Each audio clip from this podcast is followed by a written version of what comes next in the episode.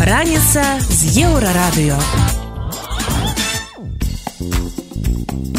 Добрай раніцы вітаем вас на еўрарадыё. Пачынаем праграму раніца з еўрарадыё, штодзённае шоу пра важныя падзеі, якія ўплываюць на жыццё беларусаў. Галоўнае на гэты момант. У Беларусі расце колькасць траўм пры катанні на тюбингу. А те дети, которые получают серьезные травмы, это дети, которые катались в неприспособленных местах. У Пинску на выходных пройдзе фестываль «Парад». Мы ожидаем большое количество участников э, коллективов нашей Брестской области. На сегодняшний день можем смело сказать, что это более тысячи. Як Расія ўплывае на выбары ў іншых краінах. Расія тым ці іншым тым ці іншым кантэксце ўплывала на выбары амаль ва ўсіх краінах. Падрабязнасці неўзабаве. В ефірі програма спільного виробництва Перець ФМ та Європейського радіо для Білорусі. Єврорадіо. Медыкі б'юць трывогу. З пачатку зімовага сезона больш за 200 дзяцей пацярпелі праз катанне на тюбінгах і санках. Сярод траўмаў ёсць і чэрапна-мазгавыя траўмы. Каля 20соткаў шпіталізаваных дзяцей пасля катання на ватрушцы маюць патрэбу ў аперацыі. Гэта значыць, што траўма была небяспечная для жыцця і можа мець наступствы ў будучыні. Асноўная небяспека тюбінгу ў тым, што ім немагчыма кіраваць, вызначыць траекторыю язды і яго амаль немагчыма спыніць. Таксама праз лёгкасць і спецыяльнае пакрыццё цюбінг набірае хуткасць хутчэй, чым санкі і можа разганяцца да 100 кіламетраў у гадзіну. Таму важна выбіраць і месца для катанняў. Пра гэта распавядае лекарка-нейрахірург Ганна Слаўёва. Обезопасить в первую очередь – это кататься на приспособленных трассах. Это первый превентивный так, такой метод. Количество пациентов, количество детей, поступающих к нам в стационар, а, которые катались на приспособленных местах, он крайне низкий. Количество детей, поступающих к нам в стационар, катающиеся во дворах, на парковках, он очень высокий. И, следовательно, а, те дети, которые получают серьезные травмы, это дети, которые катались в неприспособленных местах. Але не забываем, што адказнасць за дзяцей у зімовы перыяд кладзецца і на бацькоў. Так у Оршы бацька катаў дзяцей трох і шасці гадоў на прычэпленых да аўтамабіля цюбінгах. На павароце яны пайшлі ў занос і дзеці ўтараніліся ў плот. На шчасце ніхто не пацярпеў. Аднак мужчыну затрымалі і склалі некалькі пратаколаў. Што варта памятаць пры катанні.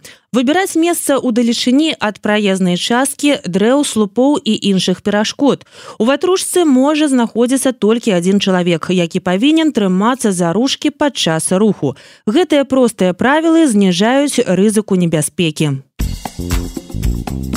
Далее у программе «Раница с Еврорадио». У Пинску на выходных прозе фестиваль «Парад». Мы ожидаем большое количество участников э, коллективов нашей Брестской области. На сегодняшний день можем смело сказать, что это более тысячи. Як Россия ўплывае на выборы ў іншых краінах? Россия тым ці іншым тым ці іншым кантэксце ўплывала на выборы амаль ва ўсіх краінах. Пра гэта ды іншае больш падрабязна бліжэйшым часам. Раніца з еўрарадыё. У пінску на гэтых выходных пройдзе трэці фестываль берасцейскія сані. Па-за летасцю ён прайшоў у брэсце летась у баранавішах. Фестываль пачнецца 19 студзеня і працягнецца тры дні. Гарадскія ўлады анансавалі маляўнічае шэсце з 10метровай галавой дракона і прыгатаванне самай вялікай порцыі палескай кашы. Ёй змогуць накарміць каля тысячы чалавек. Як і ў любым свяце, арганізаваным дзяржавай у шэсце возьмуць удзел прадпрыемствы рэгіёна. То бок адразу ўяўляем сабе грузавікі з канапамі ад пінск дрэву. Суправажаць калону будзе каля 300 пар дзедаў марозаў і снягурак, а таксама стылізаваныя аўтамабілі. У асноўны дзень свята 20 студзеня плануецца водахрышчанскі забег і заплыў маржоў. Забаўляць публіку будуць 1200 артыстаў, а ўвечары запланаваны салют. Падрабязнасці распавядае начальнік аддзелу культуры пінскага гарвыканкаму Сергей Матуска. Мы ожидаем большое количество участников э, коллективов нашей Брестской области. На сегодняшний день можем смело сказать, что это более тысячи. Э, плюс еще э, артисты нашей белорусской эстрады более к вечернему времени, где-то к 5 часам вечера. Также у нас будут присутствовать гости из города Пензы. Шоу-программа будет очень интересно представлена нашими гостями, которые также специально приедут в город Пинск. Ну и праздничный салют. На сегодня можно анонсировать, что это будет в половине восьмого вечера, чтобы было удобное время для всех. Асноўнымі лакацыямі пінскага свята стануць цэнтральная плошча, вуліца каржа і пешаходная вуліца Леніна. Там пройдзе кірмаш працягласцю больш за 500 метраў, на якім будуць вырабы з розных куткоў берасейшаны. Праз падзею з вечара 17 студзеня да сярэдзіны дня 21 студзеня цэнтр гораду будзе перакрыты. У прыватнасці будзе зачынена частка вуліц брэская, горкага і зоі касмадзем'янскай. Аўтобусы таксама будуць хадзіць па змененым маршруце. Далей у праграме раніца з еўрарадыё. Як Расія ўплывае на выбары ў іншых краінах. Расія тым ці іншым тым ці іншым кантэксце ўплывала на выбары амаль ва ўсіх краінах. Ацягнем неўзабаве. Еўрарадыё. Еўрарадыё уплыў крамля на выбары ў іншых краінах і прасоўванне сваіх інтарэсаў можа стаць вырашальным момантам куды будзе рухацца свет далей. У аўтарытарным ці дэмакратычным кірунку. Таксама гэта будзе вырашаць і сыход вайны з украінай. Але як у рассіі атрымліваецца ўплываць на электаральныя кампаніі іншых дзяржаў? І што патрэбна адбыцца каб Беларусь пазбавілася гэтага посткаланіялізму На пытанне адказвае палітолог Павел Усаў. Размову вядзе Змітер Лукашук. На жаль, гэта праблема былых калоніяў і правінцыяў вялікіх імперый, калі мы кажам пра беларусі гэта ж не толькі беларусі у краіне это таксама праяўлялася вельмі моцна. Расія тым ці іншым тым ці іншым кантэксце ўплывала на выбары амаль ва ўсіх краінах. Ну магчыма амаль акрамя краіна ў сярэдняй Азіі хаця напрыклад крызіс 22 -го году у Казахстане таксама стаў элементам гібридных уздзеянняў рассіі у гэтым рэгіёне. Тое ж самае было ў дачыненні да Кыргызстану але што тычыцца напрыклад еўрапейскай часткі былых тэрыторыю расійскай імперыі савецкага саюзу то Росія намагалася заўсёды мець свайго стаўленніка. І гэта тычылася не толькі беларусі гэта тычылася літвы Латвіі Эстоніі ну дарэчы варта ўзгадаць прэзідэнта літвы паксаса так у двухтысячных на пачатку двухтысячных гадоў які быў абраны за прэзідэнтам. І у працэсе ягонай выбарчай кампаніі поствыбарчай кампаніі расійскія грошы расійскія алігархі вельмі моцна ўплывалі. Іх скончылася гэта ўсё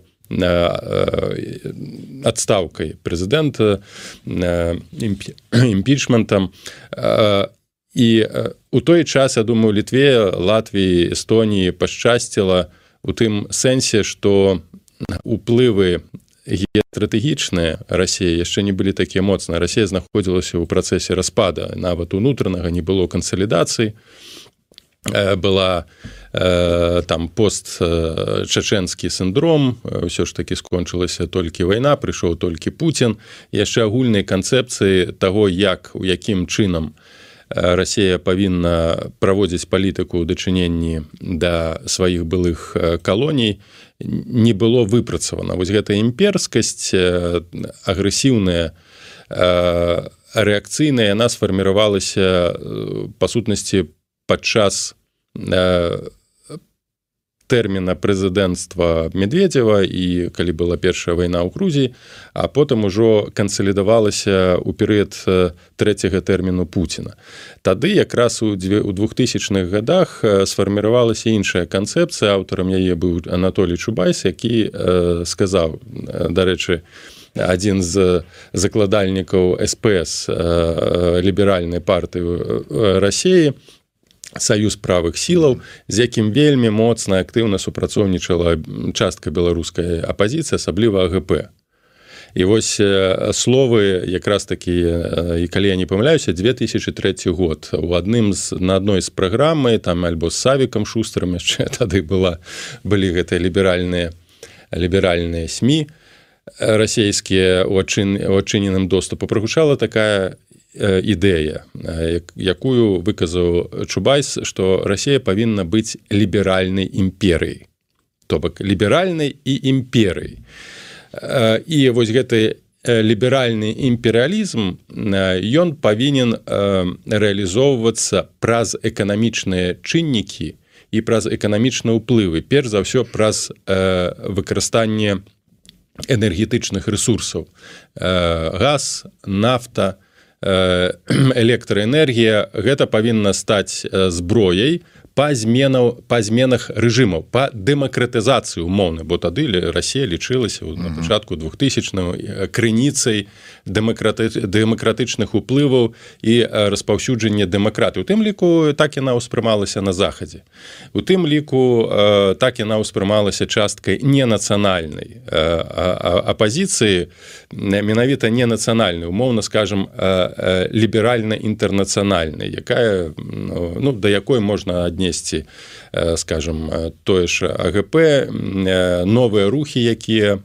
фарміраваліся тая ж гавары праўду але гэта ўжо трошки пазней новыя палітычныя фігуры якія ўзнікалі падчас электаральных кампанію той же Александр казулін у 2006 годзе які ездзіў у Москву намагаючыся атрымаць ярлык на як бы гэта не гучала нягледзячы да таго што і адседзеў э, Александр казуліна мяць амаль 5 год пасля выбару 2006 году. Але ўсё гэта выглядала так як бы беларускія палітыкі ездзілі э, Маскву і прасілі намашчэнне на прэзідэнцтва да і раней калі ўзгадаць той же самы ганчарык так, сваім памочнікам суздальцавым вось вось менавіта. І гэта вось правінцыяналізм такі рэгіяналізм калі не, не было уласнага самастойнага бачання на ролю месяца Беларусі а намаганне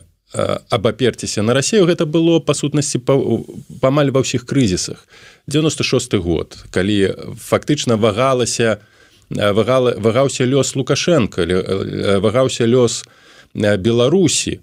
І замест таго каб абаперціся на ўнутраныя палітычныя сілы на беларускае грамадства Э, вось тая частка э, номенклатуры палітычнай якая ў той час э, кантралявала беларускі парламент. Да каго яна звярнулася? Она звярнулася і абапіралася на Маскву. Маскве у Маскве ў беларусі заўсёды свае інтарэсы. Ім ім усё роўна акрамя у пытання нацыянальнага. Ім усё роўна хто бы быў пры ўладзе. Галоўнае каб гэта былі прарасійскія сілы. Галоўнае каб яны забяспечвалі расійскія інтарэсы. Стратэгічныя эканамічныя адзінай сілай якая якраз таки ішла насуперак вось гэтай правінцыйнасці і насуперак арыентацыі на Маскву быў беларускі народны фронт. Ну і тыя структуры якія умоўна на стварыліся ў 90-х годах нават пасля расколу. Ніхто з тых палітычных сілаў якія фарміравалі сваю палітычную праграму на нацыянальных каштоўнасцяў сацыял-дэмакраты структуры беларускага народнага фронту нават меленкевич у 2006 годам годзе і рух за свабоду вось гэтыя нацыянальныя арыентаваныя э, структуры. Не будзем разважаць пра іх эфектыўнасць я кажу зараз пра бачанне беларусі пра нацыянальны падыход пра геапалітычны падыход яны заўсёды базаваліся на тым што Беларусь павінна адысці ад рассіі асабліва гэта вось канцэнтравалася ў праграме палітычнай беларускага народнага фронту той же самы праект балта-чарнаморскага саюзу разумення таго што у Расія заўсёды будзе ўмешвацца, калі мы не адбудземся як самастойная незалежная геапалітычная адзінка ў эканамічным сэнсе у палітычным сэнсе і у культурным сэнсе ну на жаль гады русіфікацыі гады імперыялізацыі той імперскай палітыкі якую праводзіла праводзіла Расія ў беларусі спрачынілася да таго што наш вораг гістарычны стаўся нашим братам бок Росія адбіралася і разумелася выключна як крыніца дабрабыту эканамічнага палітычнага цывілізацыйнага ніяк крыніца знішчэння нацыянальнага А як тое што нам стварае умовы для добрага жыцця. Тое ж самае на жаль было і ў 2010 годзе таму двадцатым праваж таму Ну і ў десятым таксама. У десятым таксама. Таму тое что вы сказали у гэтым няма ніякага сарказму і ніякага такого нічога смешнага няма. Ну тым больш знову трэба размежаваць перыяды актыўнага ўдзелу рассіі так у тым што мы зараз называем гібриднай вайной бо зараз гібридная вайна інструменты гібриднай вайны гэта часткі канцэпцыі знешнепалітычнай рассеі яна фактычна уключана ў дактрыну ў рэалізацыю знешняй палітыкі. Гэта было ў савецкія часы ў перыяд існавання двух палюсоў я гэта называю першай сусветнай гібриднай вайной. Зараз мы маем дачыненне з другой сусветнай гібриднай вайной дзе вось чыннікі ускоснай канфронтацыі паміж двума а зараз сфарміравалася два полюса аўтарытарнага. Гэта Кітай Іран Расея і такія дробненькія дзяржавы у тым ліку і Беларусі. Полюс заходняй цывілізацыі. Зараз міжнародная сусветная канфронтацыя на гібридным узроўні. Яна часам выліваецца ў рэгіянальныя канфлікты. І у зараз важацца лёсы не толькі беларусі па, па сутнасці цывілізацыі чалавечу залежнасці ад таго хто пераможа ў гэтым э, сусветным гібридным супрацьстаянні у якую уваходзяць эканамічныя фактары інфармацыйныя фактары цывілізацыйныя фактары э, залежаць будучыня э, нашай цывілізацыі по якому у по якой сцежцы мы пойдзем по сцежцы аднаўлення аўтарытарызму і фактычна лакальных глобальных войнаў альбо ўсё ж таки мы як цывілізацыя цывілізацыя розуму і цывілізацыя культуры. Пераможам з гэтай атавізмы аўтарытарызму і выйдзем на новы ўзровень развіцця альбо загінем як чалавецтва альбо знову вернемся ў скажем часы такога сусветнага абсалютна сусветнага хаосу А як цяпер Расія знішчае беларускія нацыянальныя інстытуты і навошта ёй гэта працягвае Павел усаў. Але э, калі ўсё ж таки глядзець на іншыя выборы да э, былі такія вось гэтыя ўсё азіранні на Москву там э, такія э, за, за зазіранне у вочы крамлю там нешта спроба заручыцца падтрымкай. Ну але такое ўражанне что ну как бы усе такое гулялі у глядзелкі больш там і у абяцанкі. А зараз что мы маем? вот вось набліжаецца цяпер гэтая так званая выбарчая кампанія у Беларусі. І мы бачым адначасова тыя рэпрэсіі якія ідуць супраць усяго беларуска. Гэта звязана? То тое что адбываецца зараз гэта канешне рэакцыя на крызіс двадцатого году з аднаго боку а з іншага боку гэта ўжо рэкаланізацыя беларусі то бок гэты расійскі свет со сваімі со сваімі інструментамі інфармацыйнымі культурнымі палітычнымі і перш за ўсё тымі інструментамі якія чалавечымі ресурсамі інструментамі якія ёсць ужо ў сістэме там жа ў сістэме абсалютна прарасійскія прарасійскія фігуры яны намагаюцца цалкам знішчыць ужо фактычна знішчылі нацыянальныя інстытуты ці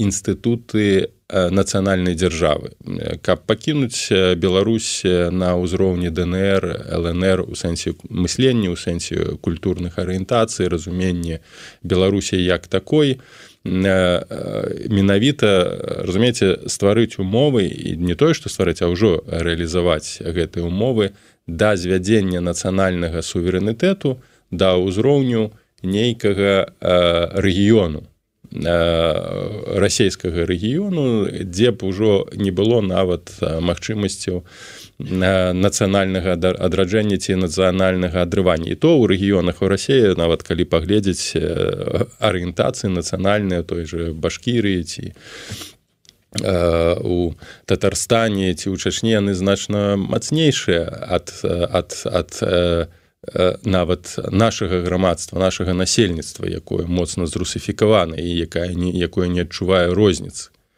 і э, калі трошки далей забегаць якраз такі праблема сёння для рассіі гэта вось такія моцна нацыянальна арыентаваныя рэгіёны. І пазбавіцца ад гэтых рэгіёнаў рассія будзе не ў стане ў гэты ўнутраны нацыяналізм. Э, асабліва э, вось тых э, э, рэспублік пра якія ўзгадаў э, вельмі яны у э, дэмаграфічным плане больш разві, развіваюцца пашыраецца колькасць насельніцтва яны у культурна-ідейным плане атайсамліваюць сябе трошки як іншыя народы. Ну і прычым зараз адбудоўваецца вось гэтая гістарычная адметнасць бо Казахстан прабачце Татарстан сказанню гэта такая дзяржаўнасць уласная Таму вось для унутранай праблемай для для рассіі будуць вось гэтыя рэгіёны. Беларусі зараз якраз яшчэ раз падкрэслю адбываецца вось новы этап каланізацыі знішчэння выдаўліваецца там абсалютнае выдаўленне выціскання нацыянальных нацыянальнага сегменту. Нават таго чаго не было ў савецкія часы. Зараз ідзе вяртанне да той каланіяльнай палітыкі якую праводзіла Э, праводзіла расійская імперія ад часоў мікалая другога да часоў александра мікалая першага да часоў александра другога. То бок вось гэтае паўстанне 31 году потым паўстанне 1863 году мурав'ёўшчына так вынішчэнне ўсяго усяго нацыянальнага сегменту прычым фізычнае вынішчэнне. І гэта мы назіраем зараз. То бок нават калі мы паглядзім стаўленне да палітычных вязняў то замяняецца вось гэты адчынены механізм выбіцця нацыянальнага фактару калі савецкія часы расстрэльваліся але альбо у перыяд царскай рассеі высылаліся туды ў сібір то зараз людзей просто забіваюць скрыта ў вязніцах. Ну просто ствараюць такія умовы дзе яны трацяць здароўе і жыццё. То бок вось гэты прыхаваны сегмент масавых рэпрэсій у характары фізычнай ліквідацыі. І ён будзе пашырацца і Росія ў гэтым зацікаўлена. У гэтай сувязі хацелася працягнуць залежнасць незалежнасць. Вот новая канцэпцыя дактрына дакладней нацыянальнай бяспекі і гэта вот ўсё астатняе. Яно неяк звязана з гэтай у ну сітуацыя з гэтым пашырэннем уплыва расійска на Беларусь. Будзе цікава мне канешне так бо яшчэ першая дактрына саюзнай дзяржавы якая была прынятая у 2021 годзе яе на яе ніхто не тады не звярну не звярнуў увагу яе прааналізаваў. У той момант калі былі падпісаныя так званыя саюзныя дарожныя мапы там 28 іх было падпісана у той жа дзень была прынятая вайсковая дактрына саюзнай дзяржавы дзе па сутнасці Беларусь ужо была э, абазначана як інструмент э, вайсковай э, палітыкі і геапалітыкі рассіі там па сутнасці суб'ектнасці ўжо і не было сённяшнюю дактрыну э, беларускага рэжы э, лукашэнкаўскага рэжыму пакуль яшчэ мы цалкам не ведаем былі быў выступ хрэніна які ён там абазначыў нейкія аспекты асабліва з тактычнай ядзернай зброі. У гэтым кантэксце мне будзе цікава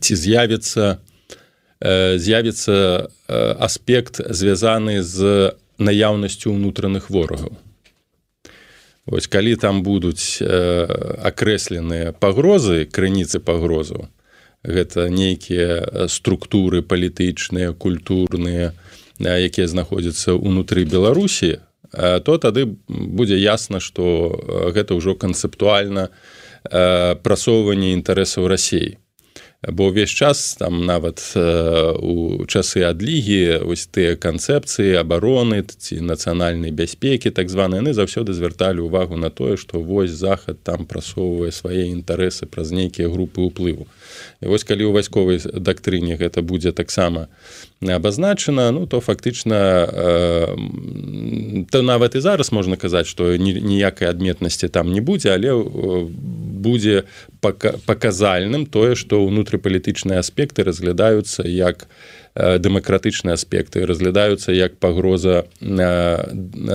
бяспе бяспецы дзяржаўнай рэжыму лукашенко і бяспецы саюзнай дзяржавы бо там усё будзе ў кантэксце саюзнай дзяржавы канешне калі будуць акрэслены абавязкі белару беларусі перад рассеяй пра што узгадываў хрэнін моманты звязаныя з выкарыстаннем тактычнай ядравай зброі то ўжо будзе абсалютна ясна што беларусю хотя і для мяне і зараз ясна что Беларусь у вайсковым плане у стратэгічным плане не з'яўляецца нейкай самастойнай адзінкай але прынамсі это будзе ўжо для тых хто яшчэ думае пра захаванасць суб'ектнасці беларусі будзе паказчыкам таго насамрэч колькі гэтая суб'ектнасць каштуе.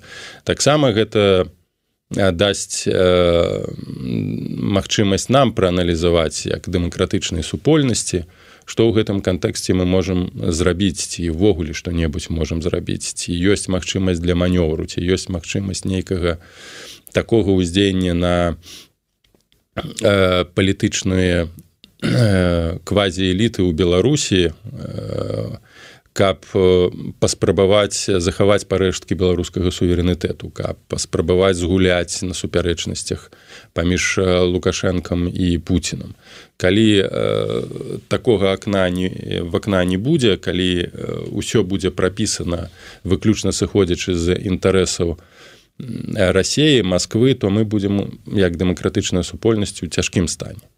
Бо гэта будзе азначаць што нейкіх нават э, э, таких ідэальных механізмаў уплыву як які под якім маюць на увазе нейкія перамовы нейкі гандаль ён будзе адсутнічаць то бок мы фактычна ніякім чынам ні праз санкцыі ні праз нейкія несанкцыйныя метады узаемадзеяння паўплываць на беларусьці на паводзіны э, кіруючых элітаў беларусі не зможам тады мы па сутнасці ў такім абсалютным у палітычным тупіку будзем знаходзіцца. Гэта была размова з палітолагам павлам усавым. Ён распавёў пра ўплыў рассіі на выбары ў іншых краінах і навошта ёй вынішчаць нацыянальныя сегменту беларусі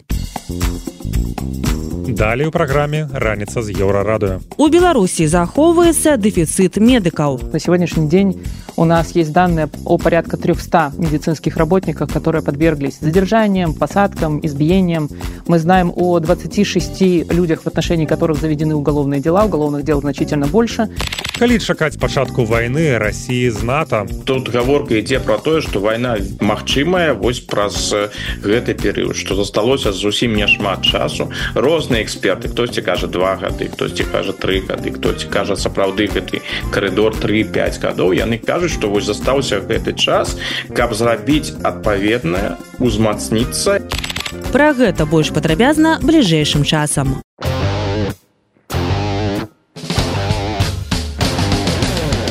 Еўрарадыё.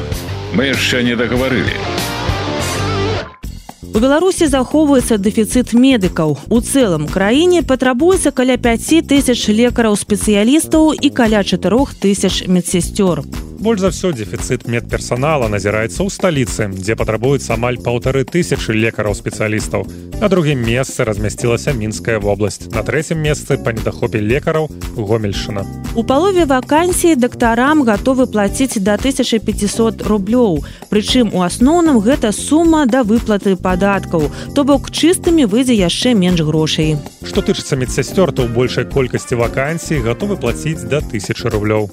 Вырашыць праблему з недахопам медыкаў пакуль не атрымліваецца. Сярод прычын ад'езд спецыялістаў на працу за мяжу нізкія заробкі а таксама затрыманні і пасадкі медыкаў. Як уплываеце рэпрэсіі на медычную сферу распавядзе коаардынатарка фонду медыцынскай салідарнасці лідія тарасенко. Репрессии конечно отвратительно сказываются на состоянии отрасли репрессиям на самом деле у нас подвергся ну каждый медик врач, медсестра, санитарка, потому что репрессии это не только посадки, это и э, угрозы, усложнить жизнь, если ты не вступишь в профсоюз. Это принуждение работать сверх там, установленной нормы. Э, просто многие люди уже не воспринимают это как репрессии. Мы, как фонд, собираем информацию о том, э, каким именно репрессиям подверглись люди, медики, а, отдельно о задержаниях, о посадках, отдельно о увольнениях, например, политически мотивированных. На сегодняшний день у нас есть данные о порядка 300 медицинских работников, которые подверглись задержаниям, посадкам, избиениям. Мы знаем о 26 людях, в отношении которых заведены уголовные дела. Уголовных дел значительно больше, чем 26, потому что одному человеку, бывает, предъявляют несколько обвинений по совершенно уродским выдуманным статьям, но это только верхушка айсберга. Я думаю, что э, даже задержание можно смело умножать на 5. Просто мы не обо всем знаем, но мы ведем учет и э, стучимся в международные организации с тем, чтобы о нас услышали, о нас не забывали и меньше взаимодействовали с нашим официальным Минздравом, раздавая им деньги на какие-то невменяемые проекты. Чыноўнікі ўжо не першы год спрабуюць вырашыць праблему з недахопам медыкаў. Напрыклад, хочуць павялічыць тэрмін абавязковай адпрацоўкі для выпускнікоў. Аднак трэба выпраўляць саму прычыну, шанаваць лекараў і плаціць ім больш. Далей у праграме раніца з еўрарадыё. Калі чакаць пачатку вайны рассіі з НАТО. Тут гаворка ідзе пра тое, што вайна магчымая вось праз гэты перыяд, што засталося зусім няшмат часу. Розныя эксперты, хтосьці кажа два гады, хтосьці кажа тры гады, хтосьці кажа сапраўды гэты карыдор 3-5 гадоў. яны кажуць, што вось застаўся гэты час, каб зрабіць адпаведнае, узмацніцца. Падрабязнасці неўзабаве. Хутка, шутка і па-беларуску. Ці варта чакаць эскалацыі вайны? Заходнія палітыкі і СМі ўсё часцей абмяркоўваюць тэму напада рассіі на краіны НАТО. Некаторыя мяркуюць, што гэта можа адбыцца ў бліжэйшыя гады. Так, паводле сакрэтнага дакументу нямецкага войска, з якім азнаёмілася выданне білд. Расія можа ўварвацца на тэрыторыю НАТО ўжо ў траўні наступнага года. Наколькі рэальная вайна рассіі з заходнімі краінамі і як яна можа пачацца? Ці гатовы захад да такога развіцця падзей? Над гэтымі пытаннямі разважае гісторык і палітычны аглядальнік Александр Фрыдман. Тут гаворка ідзе пра тое, што вайна магчымая вось праз гэты перыяд, што засталося зусім няшмат часу. Розныя эксперты, хтосьці кажа два гады, хтосьці кажа тры гады, хтосьці кажа сапраўды гэты карыдор 3-5 гадоў. яны кажуць, што вось застаўся гэты час, каб зрабіць адпаведнае, узмацніцца і каб ад паведным чынам адказаць Росіі каб Росіі зразумелі што гэтую вайну пачынаць пачынаць не варта тут же вось яшчэ які момант важны. Калі гэтую вайну уяўляюць сябе так звычайна ўсё хутка скончваецца ядерной вайной. Их эта вайна разглядаецца як ядерная вайна. Но сцэнары могуць быць іншымі. Ось напрыклад цікавыя былі разважанні экспертаў у галіне бяспекі Фабіяна Хофмана з універсітэта Осла там сапраўды цікавы момант. Ён задаецца вось гэтым пытаннем А як Росія будзе весці весці вайну і зыходзячы з украінскага вопыту ну конечно па-першае не а ніякіх прэвентыўных удараў по расійскай тэрыторыі ніхто не плануе гэтага не будзе гэта выключна расійскія фантазіі усе заходнія планы і і беларускія дзяржаўныя фантазіі усе заходнія планы якія абмяркоўваюцца яны сыходзяць з таго што напад будзе з боку Росіі і НАТО мусіць адказваць у гэтым выпадку. Дык вось Хофман якраз разважае як можа гэта выглядаць і вось ён бярэ за аснову украінскі вопыт і кажа што будуць удары по інфраструктуры хутчэй за ўсё яны паспрабуюць зрабіць моцны удар по інфраструктуры заходніх краінаў Ну добра что будзе наступным?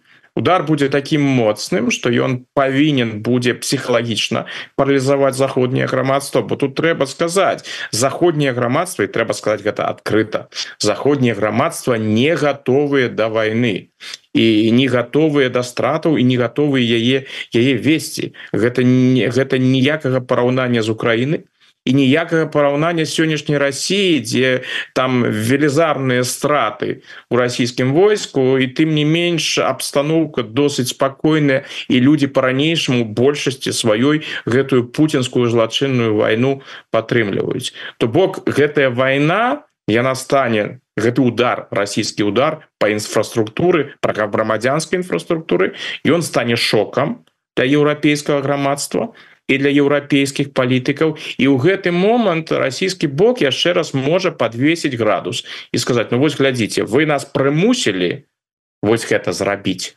Цеп мы адказалі мы мы ж не пачынаем войны мы толькі адказваем это ж вядомая расійская рыторыка А цяпер калі вы адкажаце ну нам нічога не застаецца перафразіруючы спадарню сіманян э, мы-то у рай калі калі калі будуць прыменена ядерная зброя А вы жадаеце вы готовыя да ядерного удара. І разлік паводле хофмана на тое і гэта адпавядае як мне падаецца таму як мысліць і разглядае і глядзіць на свет Путін что ў гэты момант захад скажа ну добра на гэты апошні крок мы не пойдзем давайте знойдзем нейкі кампраміс і ў гэты момант Пуціну Пуціна можа атрымацца навязаць захаду там свае умовы адыход НАТО да межаў напрыклад я не ведаю 91 -го года іншае іншае аддаць яму Украіну Па словах Фрыдмана, развязванне такой вайны будзе вельмі дрэнным сцэнаром, але казаць пра гэта варта з надзеяй, што такі сцэнар не спраўдзіцца.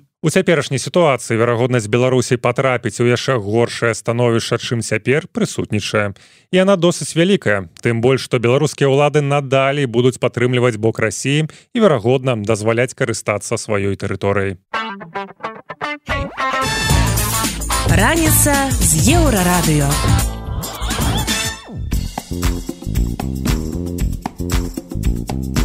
Вяртаемся на еўрарадыё і працягваем ранішні эфір. Вы па-ранейшаму слухаеце раніцу з еўрарадыё інфармацыйнае шоу пра важныя падзеі, якімі жывуць беларусы і іншы свет. І вось што цікавага мы распавядзем далей. Ці могуць Пуін і Лукашенко распачаць гібридную вайну супраць НАТО. Армія Беларусі против НАТО, ну это, конечно, звучит как какой-то сюрреализм. Чаму рэжым не запрасіў на выбары назіральнікаў ад АБСЕ. АБСЕ гэта залаты стандарт назірання за выбарамі. Адмова ў бяспецы сям'ю беларускай актывісткі высылаюць з Германії. Самое страшное это вам ничего не угрожает на территории Беларуси. Пра гэта ды інша больш падрабязна цягам бліжэйшай гадзіны.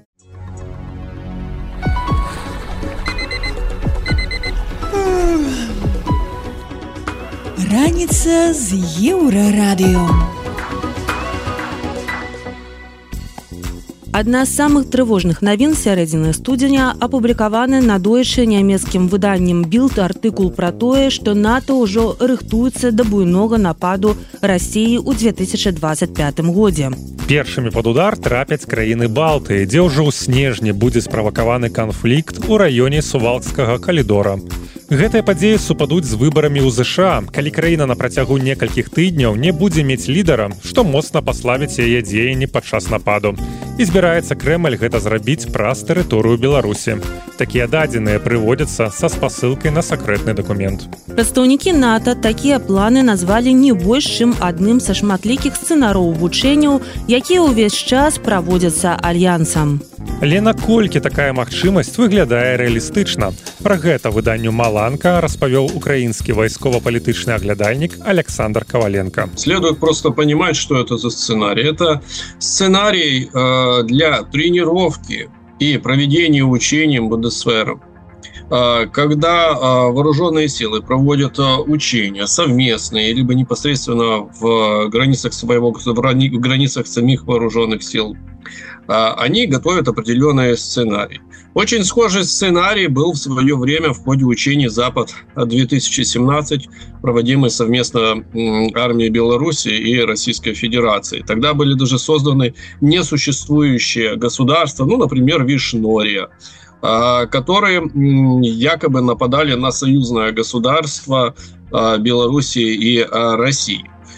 И, соответственно, этот сценарий полностью отражал те страхи, которые бытовали тогда в Кремле относительно угроз НАТО Российской Федерации.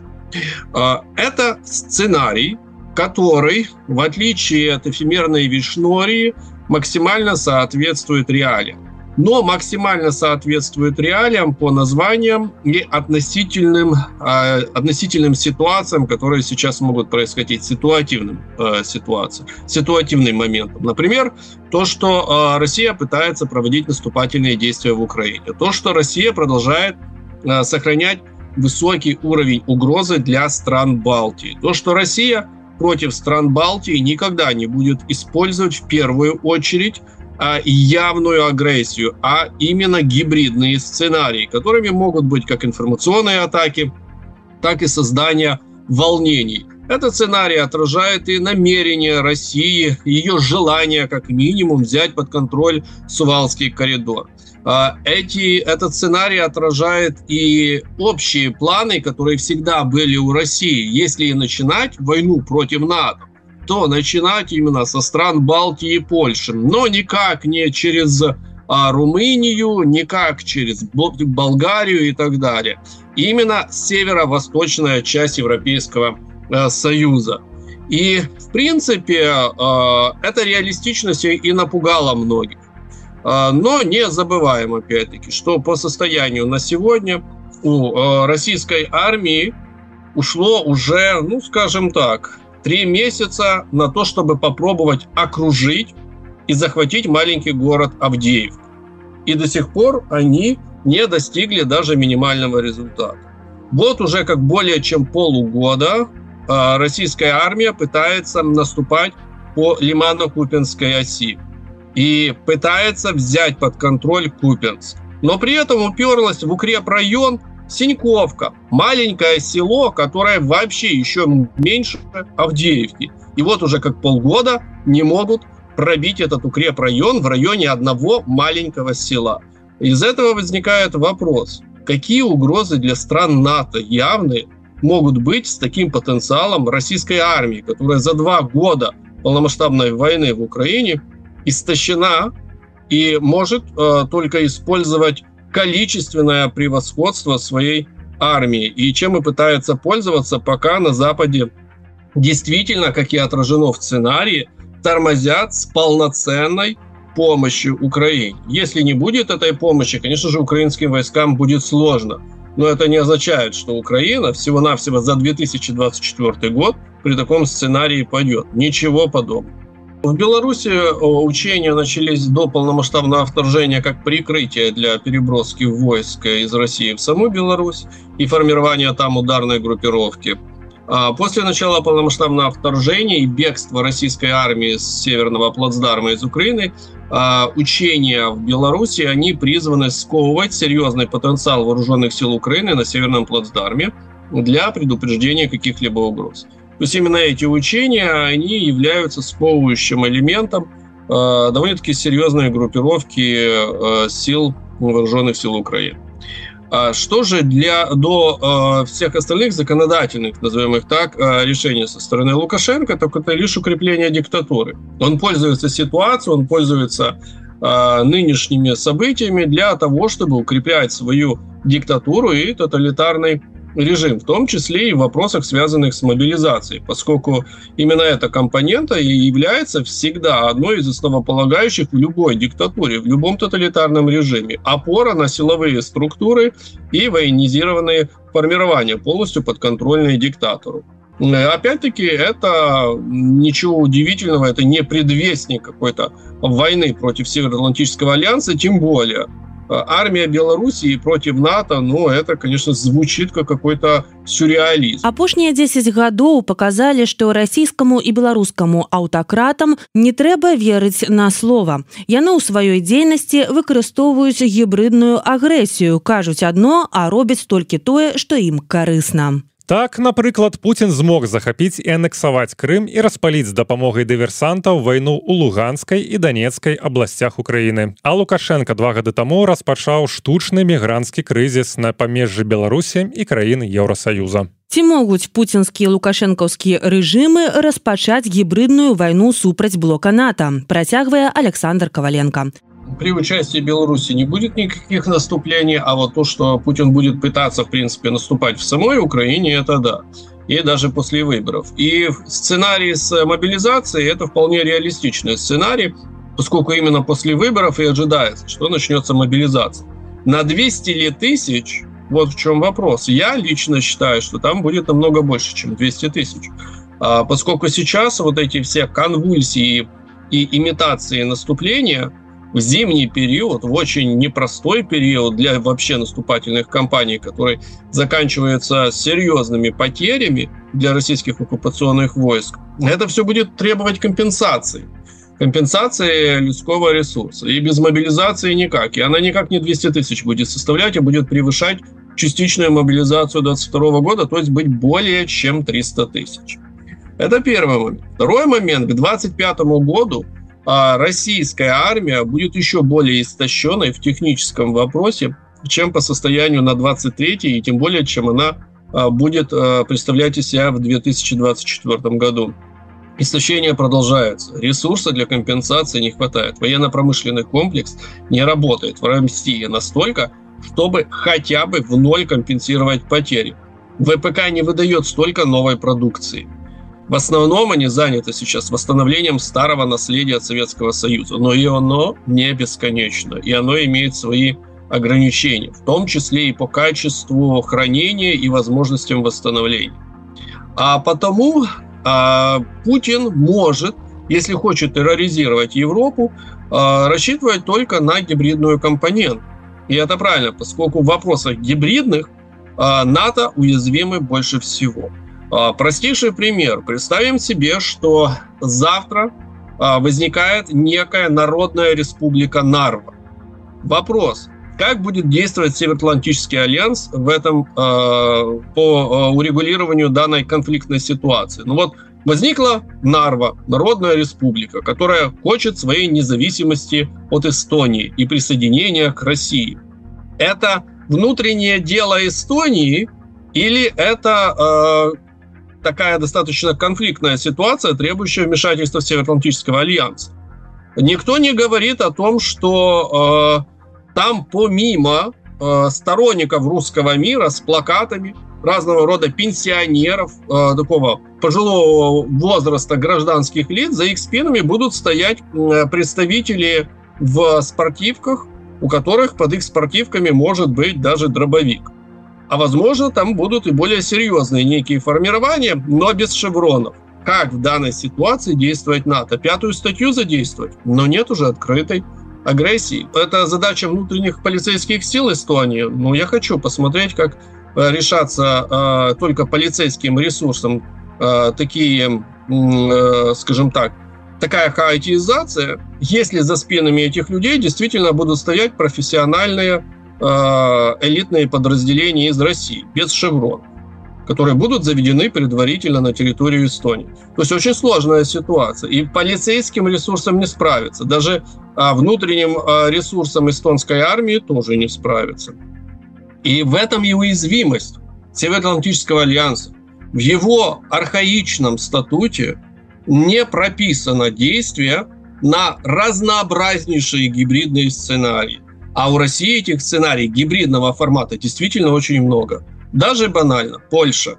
Гибридный сценарий по э, э, пролому границы Польши мигрантами, нелегальными мигрантами. Это один из гибридных сценариев, который реализовала Россия, реализовала достаточно долго, привлекая к этой проблематике серьезное э, внимание – и это могло бы продолжиться задействованием ЧВК «Вагнер» по границе вдоль с Польшей, их диверсионной деятельностью.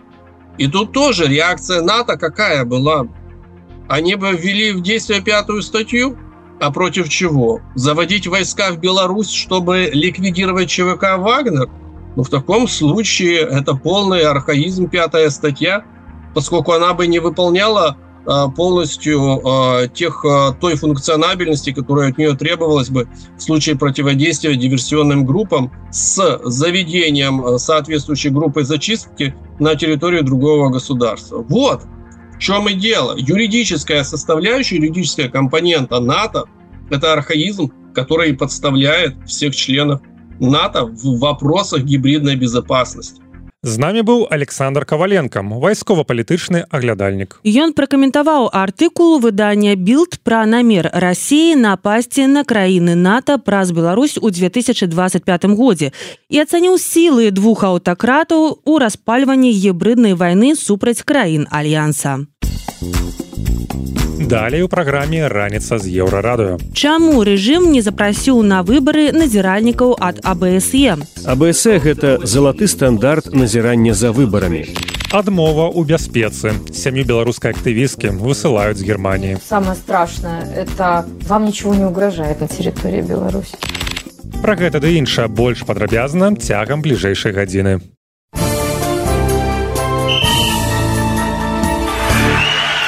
На еўрарадыё навіны спорту. Арына Сабаленко выйшла ў трэці круг адкрытага чэмпіянату Аўстраліі. Беларуская тэнісістка абыграла 16гадовую бренду фрухвіртаву з Чэхіі 6362. У одну 16 фіналу парнага разраду выйшла беларуска Александра Сасновіч і расіянка Ганна Блінкова. Ягор Шарангович у авертайме прынёс перамогу калгары ў хатнім паядынку ў чэмпіянаце НХл з арызонай 3-2. Беларускі хакеіст закінуў рашаючую шайбу за 17 секунд да яго заканчэння. Напярэдадні Шарангович трапіў у топ-100 найлепшых нападаючых НХл.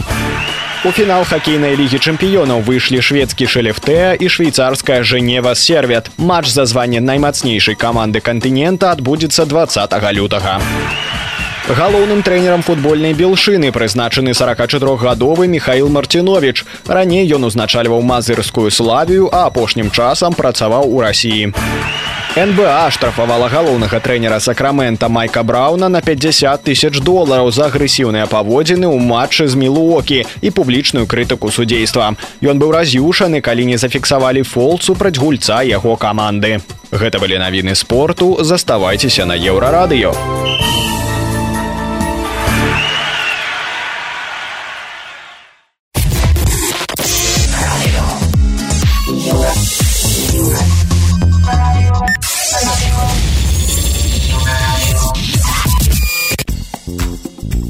25 лютага ў беларусі адбудзецца адзіны дзень галасавання. Рэжым прапануе людзям адразу выбраць дэпутатаў у парламент і мясцовыя саветы.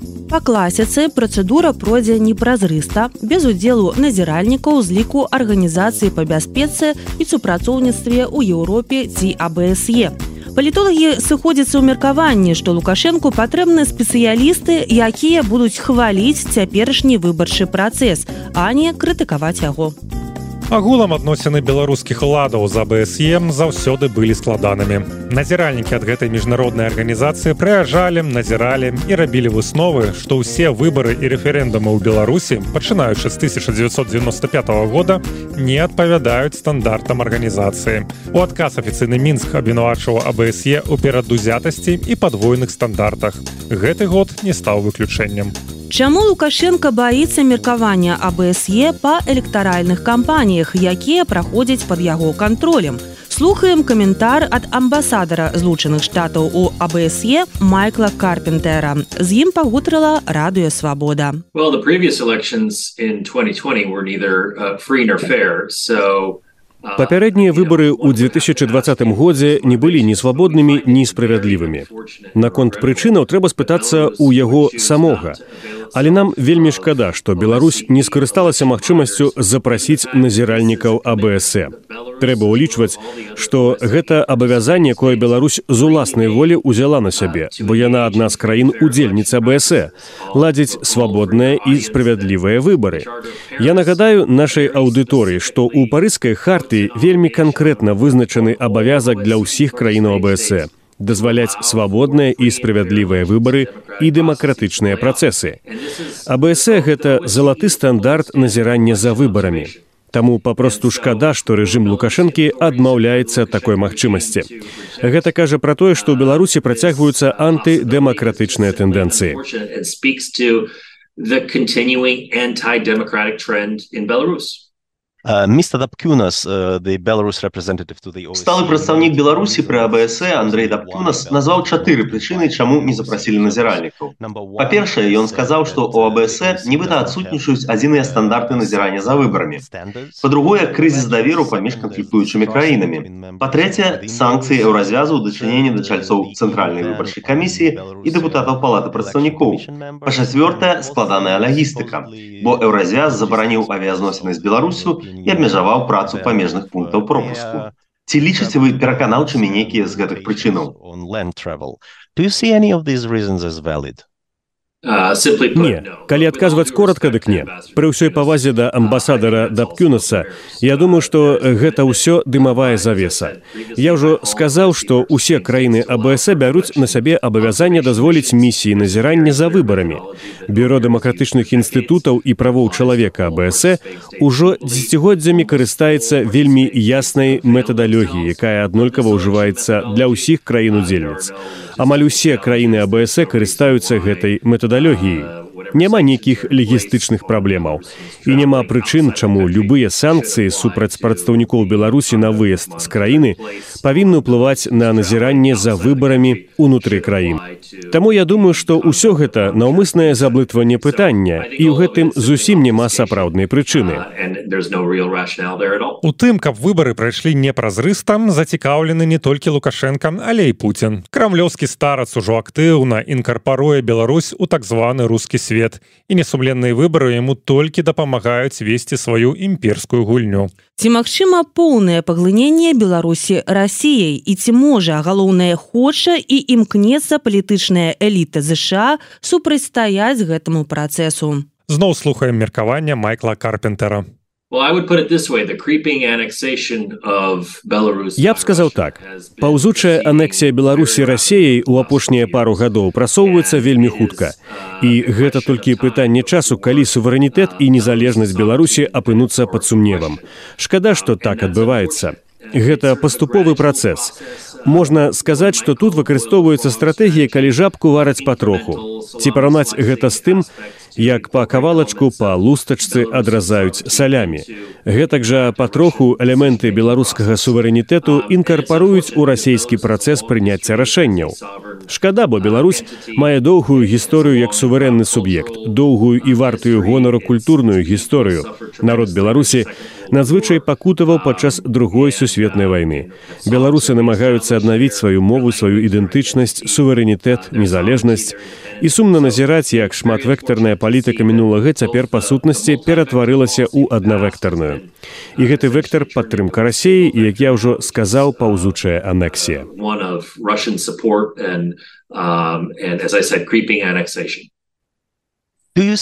Ці вы бачыце нейкія крокі, якія маглі б зрабіць злучаныя штаты, каб супрацьстаяць такой інкарпорацыі? Вы яе параўналі з тым, як наразаюць салямі ці павольна вараць жабку. Злучаныя штаты за апошнія два фінансавыя гады далі больш за 60 мільёнаў даляраў падтрымкі Беларусі. І гэта значная сума для падтрымкі грамадзянскай супольнасці, незалежных медыяў дэмакратычнага руху. Мы вельмі ясна далі зразумець, што падтрымліваем мірныя дэмакратычныя змены ў Беларусі. І выбары ключавы спосаб зрабіць гэта. Таму той факт, што рэжым павярнуўся спіны да свабодных і справядлівых выбараў, выбараў, адмовіўшыся дазволіць назіранне, выклікае пытанне, што яны маюць намер зрабіць у дзень выбараў. Вельмі шкада, што так адбываецца, бо гэта магло быць шляхам да мірнай эвалюцыі, а гэта тое, што мы падтрымліваем.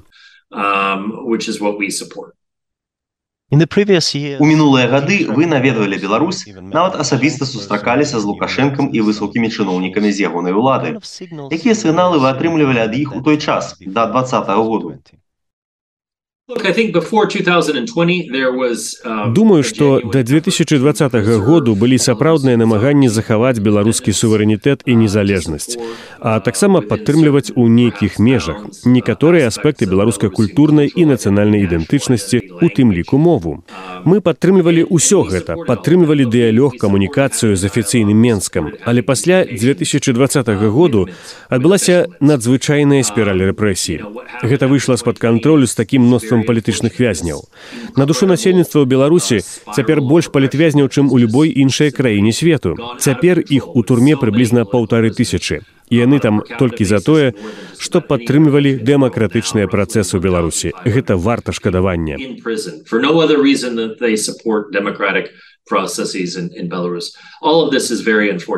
У эфіры быў Майкл Карпентер, амбасадар злучаных штатаў у АБСЕ дыпламат распавёў чаму лукашенко упарта не запрашае назіральнікаў гэтай арганізацыі на выбары ў Беларусь і чаму такая палітыка аўтакратам стварае глебу для страты нашай краінай сваёй незалежнасці.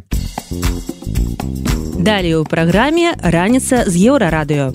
Адмова ў бяспецы. Чаму сям'ю беларускай актывісткі высылаюць з германії самое страшное это вам ничего не угрожает на территории беларуси Працягнем пасля музычнай паўзы і навінаў шоу-бізу.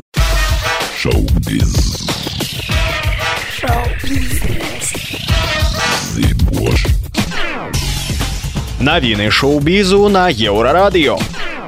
З'яўляецца ўсё больш петыцый, стваральнікі якіх патрабуюць выключыць Ізраіль з міжнароднага конкурсу песні еўрабачання з-за мяркуемых ваенных злачынстваў у газе. Фінскія, ісландскія і нарвежскія артысты клічуць забараніць гэтай краіне ўдзельнічаць сёлета. Больш за 1400 фінскіх артыстаў падпісалі петыцыю, заяўляючы, што ўдзел Ізраіль не адпавядае іх каштоўнасцям. Еўрапейскі вяшчальны саюз сцвярджае, што конкурс заўсёды быў і застаецца апалітычным. Ізраіль бярэ ўдзел у еўрабачанні з 1973 года. Чатыры разы артысты з гэтай краіны перамагалі. Добі вольны такія словы з'явіліся ў нстаграм спявачкі Мерыем Герасіменко, якая раней атрымала тры гады хатняй хіміі. У садсетцы яна пацвердзіла, што з'ехала з Беларусі падзякавала фонду байсол. Калі б у мяне спыталі, што для мяне шчасце, я б з упэўненасцю сказала свабода, свабода перамяшчэння, свабода думак, свабода займацца тым, што любіш і чым гарыш, напісала Мерыем. Сёння дзякуючы працы каманды эвакуацыі байсол Мерыем на волі і ў бяспецы напісаў фейсбук фейсбук праваахоўнік сузаснавальнік фонду Андрей стрыжак. Спявачку затрымалі ў верасні 2022 года пасля канцэрта ў бары банкі бутэлькі на зыбіцкай падчас якой яна праспявала песню акіяна эльзы стваральнікі папулярнага серыяла белы лотас неўзабаве пачнуць здымкі чарговага сезона. У акцёрскі склад новай гісторыі увайшлі уолтон гогенс патрик шварцнегер эймі лувуд сара кэтрын хук і сэмі невола серыял HBO вытворчасць якога пачнецца ў Тайландзе ў лютым пакажа новую групу гасцей на вядомым курорце. Стваральнік серыяла Майк Уайт выступае ў якасці выканаўчага прадюсара і рэжысёра. А ў акцёрскі склад вяртаецца актрыса Наташа ротуэл якая здымалася ў першым сезоне Лінсі Лохан атрымала ладны ганарар у памеры каля 500 тысяч долараў за кароткую эпізадычную ролю ў новай стужцы кепскія дзяўчаты. Нечаканае вяртанне лохану франшызу выклікала апладысменты на прэм'еры ў нью-йорку. Першапачаткова парамаунт планавала выпусціць трансляцыю на ўласнай стрымінг-платформе, але змяніла курс з-за вялікага попыту на прэм'еру фільма ў кінатэатрах. Стужка арыентаваная як на моладзь, так і на людзей старэйшага за 35 гадоў, якія памятаюць лохан з першай працы франшызы 2004 года. Вяртанне лінсі да кепскіх дзяўчат адбылося пасля яе перапынку ў студыйных фільмах. Гэта былі навіны шоу-бізу, заставайцеся на еўрарадыё.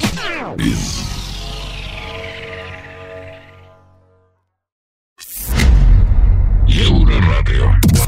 Еўрарадыё. Большасць палітычных эмігрантаў, з'ехаўшы з Беларусі ўкраіны Еўросаюза, атрымліваюць дапамогу. Але ёсць палітуцікачы, якім папросту не шансуе. Сярод такіх беларусаў Аксана Лехадзееўская і яе сям'я. Жанчына разам сяброўкай прыдумала беларускага ждуна, ляльку, падобную да Александра Лукашэнкі. Праз удзел у пратэстах гамяльчанку сталі праследаваць улады. Таму напрыканцы два -го года Аксана была вымушана пакінуць Беларусь. Амаль тры гады яна і яе сям'я чакалі, што атрымаюць абарону ў Геррманіі. Але мясцовыя ўлады вырашылі, што ў Беларусі ім нічога не пагражае. Аксану, ейнага мужа і дваіх дзяцей хочуць выслаць краіны. Як так атрымалася і куды сям'і бегчы цяпер, Аксана распавяла выданню Дойчай Вэлле. Это вот в марте пришла повестка, меня уже не было, забирал муж. Повестка, чтобы я явилась в качестве свидетеля. В этой папке у Оксаны Лиходиевской еще много свидетельств того, что в 2020 году она активно участвовала в протестах против фальсификации выборов и неоднократно сталкивалась с давлением белорусских госорганов. Но несмотря на это, Германия, где Оксана с семьей живут уже почти три года, отказала им в защите. Власти решили, что Лиходиевским в Беларуси ничего не грозит. Я не эмиграционная туристка. То есть мы изначально уехали, потому что нам было небезопасно находиться там – а теперь какой-то один человек росчерком пера отправляет нас обратно, отправляет нас, ну, однозначно на гибель. Я, конечно, не знаю, как она будет выглядеть, но, по-моему, на сегодняшний день уже не стоит вопрос, можно ехать или нельзя.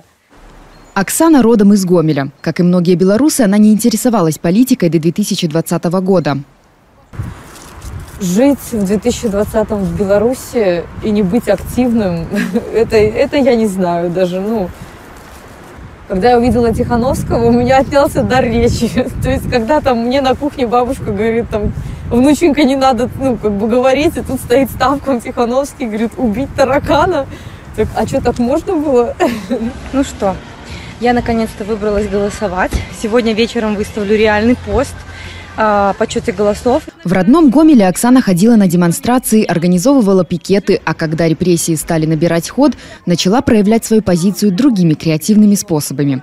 Это она вместе с подругой придумала белорусского ждуна – куклу, символизирующую ожидание кончины белорусского режима. Оксану неоднократно задерживали, за политическую активность ее штрафовали и уволили с работы. Несколько дней женщина провела в ИВС. И, ну, самое сложное на, на ИВС, самое страшное, это первые сутки. Первые сутки, это ты, во-первых, ты не понимаешь, что они могут еще найти на тебя. Ты прекрасно понимаешь, что ты писал где-то что-то, да. Тебя же раздевают полностью. Ты, ну, то есть заходишь в комнату, а, причем двери почему-то э, не закрывали, там ходили люди. Я попросила женщину, говорю, ну, то есть тебя полностью раздевают, вообще полностью, наголо. Ты поднимаешь руки, раздвигаешь ноги, тебя заставляют присесть ниже, шире, ниже. Это, ну, такое себе удовольствие. Вот, и вот, ну, то есть мимо того, что меня арестовали, меня еще раздели, заставляли вот это приседать, вот это все. И потом меня завели в камеру, и я помню этот момент, когда закрылась дверь, и я заплакала. После ареста ситуация стала накаляться еще больше. К Оксане с обыском пришел отдел по борьбе с наркотиками. И мне раздается звонок в дверь. И я на цыпочках подхожу к двери. Стоят люди в штатском. Я уже понимаю, что мужчины ко мне не ходят толпами. Говорю, Котя, за мной пришли. Нет, это просто я против Лукашенко. Я считаю, у нас нету президента. И это сейчас не правовое государство. И меня за это душат. Ну, пришел отдел по борьбе с наркотиками и торговлей людьми. Вы представляете, как они давят? Как вы давите, как вам не стыдно? У Лиходиевских изъяли технику. На следующий день Оксану отвезли на допрос. После этого ее муж Андрей настоял на том, чтобы она с детьми уехала из страны. Через полторы недели после обыска, в конце декабря 2020 года, Оксана, 15-летняя Карина и 7-летний Артур уехали из Беларуси в Польшу. Там Оксана попросила защиту, а через два месяца от польских властей пришло решение. Дело Оксаны должна рассматривать Германия, так как на территорию ЕС она въехала по немецкой визе. Я особо не расстроилась, у меня мать в Германии. То есть я думала, как, что, ну, поеду к маме, да, ну что, ну это же, это же лучше. Вот. Кто мог подумать, что будет так? Оксану и детей отправили в лагерь для беженцев в немецкий Гиссен. На протяжении полутора месяцев семью перевозили из одного лагеря в другой. В одном из них к жене и детям присоединился муж Андрей. Ой, господи. Первое время семья жила в Германии на пособие. Спустя полгода Оксана и Андрей получили разрешение на работу. Андрей быстро выучил немецкий, подтвердил свой белорусский диплом и устроился по специальности – контроль мастером на стройку. Вскоре на работу вышла и Оксана. Вот уже полтора года она мастер по маникюру. Хочу свою студию открыть здесь. Хотела, сейчас уже не знаю, но планы были как бы большие. Интервью по их делу семья давала еще в июне 2021 года. В это время Лиходиевские, как соискатели убежища, обязаны проживать в специальном общежитии, несмотря на то, что и Оксана, и Андрей уже работают и в состоянии снять квартиру. Решение о статусе семьи в Германии пришло в ноябре 2023 -го. Им отказали во всех видах защиты. Конечно, первую неделю это был шок. Было тяжело скажем так, читать это решение, так как самое страшное, самое страшное, это вам ничего не угрожает на территории Беларуси. Адмовіла сям'і Аксаны ў прытулку федэратыўнае ведомства па пытаннях міграцыі бежанцаў. Свой адказ яно распісала на 15 старонках. Калі сказаць сцісла, нямецкія чыноўнікі ў гісторыю беларускі не паверылі. Сумнеў у іх выклікаў кейс з вопшукам. Немцы не зразумелі, чаму міліцыя, амап і аддзел па барацьбе з наркотыкамі уламіліся ў хату гамяльчанкі. Працягваем слухаць, што сям'я Аксаны плануе рабіць у такой складанай ситуации. Власти считают, что в Беларуси Лиходиевским ничего не угрожает. В качестве аргумента они ссылаются на то, что все члены семьи покинули страну официально и без препятствий. Так, так же нельзя. Вы же понимаете, что вы решаете судьбу семьи. Это же, это же не шутки. Мы, я не какая-то там цифра с полки, которую вы сейчас еще отложите на три года, да, эта книжечка полежит, а потом мы ее достанем. Идет жизнь. Для на сегодняшний день я в эмиграции четвертый год. Четвертый год без документов. Здесь даже у моей кошки прав больше, чем у меня. У нее есть паспорт, а у меня его нет. Согласно постановлению, Оксана с семьей должны были покинуть Германию в течение 30 суток. Но Лиходиевские подали апелляцию. Ее рассмотрение может затянуться. Оксана надеется на положительный исход. Она уверена, что в Беларуси ей небезопасно. Для меня это срок, для детей это детский дом, потому что когда был допрос в, в КГБ, они не оставили мне вариантов. Там было четко сказано. Там было четко сказано все касаемо меня и, и детей. Там было сказано, что я не хочу это снимать, подождите. Они сказали, что э, подумайте о семье, вам не жалко ваших детей. Я хоть и плакала, но я говорила, а что, ну, а что, у меня дети сыты, накормлены, мы обеспечиваем семью. Они говорили, вы сейчас серьезно? Вы знаете, что мы можем все? Что это значит? Я не знаю, что, что, что они под, подразумевали под этим. Поехать проверить я не рискну. Сейчас Лиходиевским снова приходится ждать. За годы ожидания в Германии у них даже появился новый белорусский ждун. Это, это, хороший ждун, это не тот, который нелегитимный. То есть он ждет, что все-таки добро победит зло, и обязательно справедливость восторжествует, и все вернутся домой, и все будет хорошо. Мы слухали гісторыю палітычнай эмігранткі Аксана Ліхадзіеўскай з гомеля, сям'і якой нямецкія ўлады адмовілі ў палітычным прытулку і хочуць дэпартаваць з краіны. Па апошніх дадзеных даследчага інстытута палітычная сфера Германія не з'яўляецца папулярнай краінай для эміграцыі ў беларусаў. Пасля 2020 года туды з'ехала параўнальна невялікая колькасць чалавек. 4-5 тысяч з іх 2000 па палітычных матывах.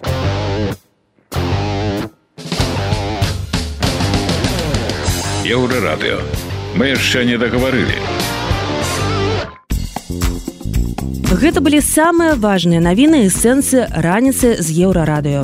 Заўтра ранкам мы распавядзем вам пра галоўнае, што адбываецца ў краіне і свеце. Сустракаемся ў той жа час у тым жа месцы. Беражыце сябе. Пачуемся.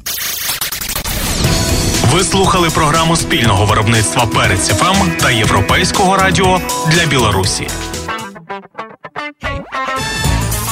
Раніца з еўрарадыё.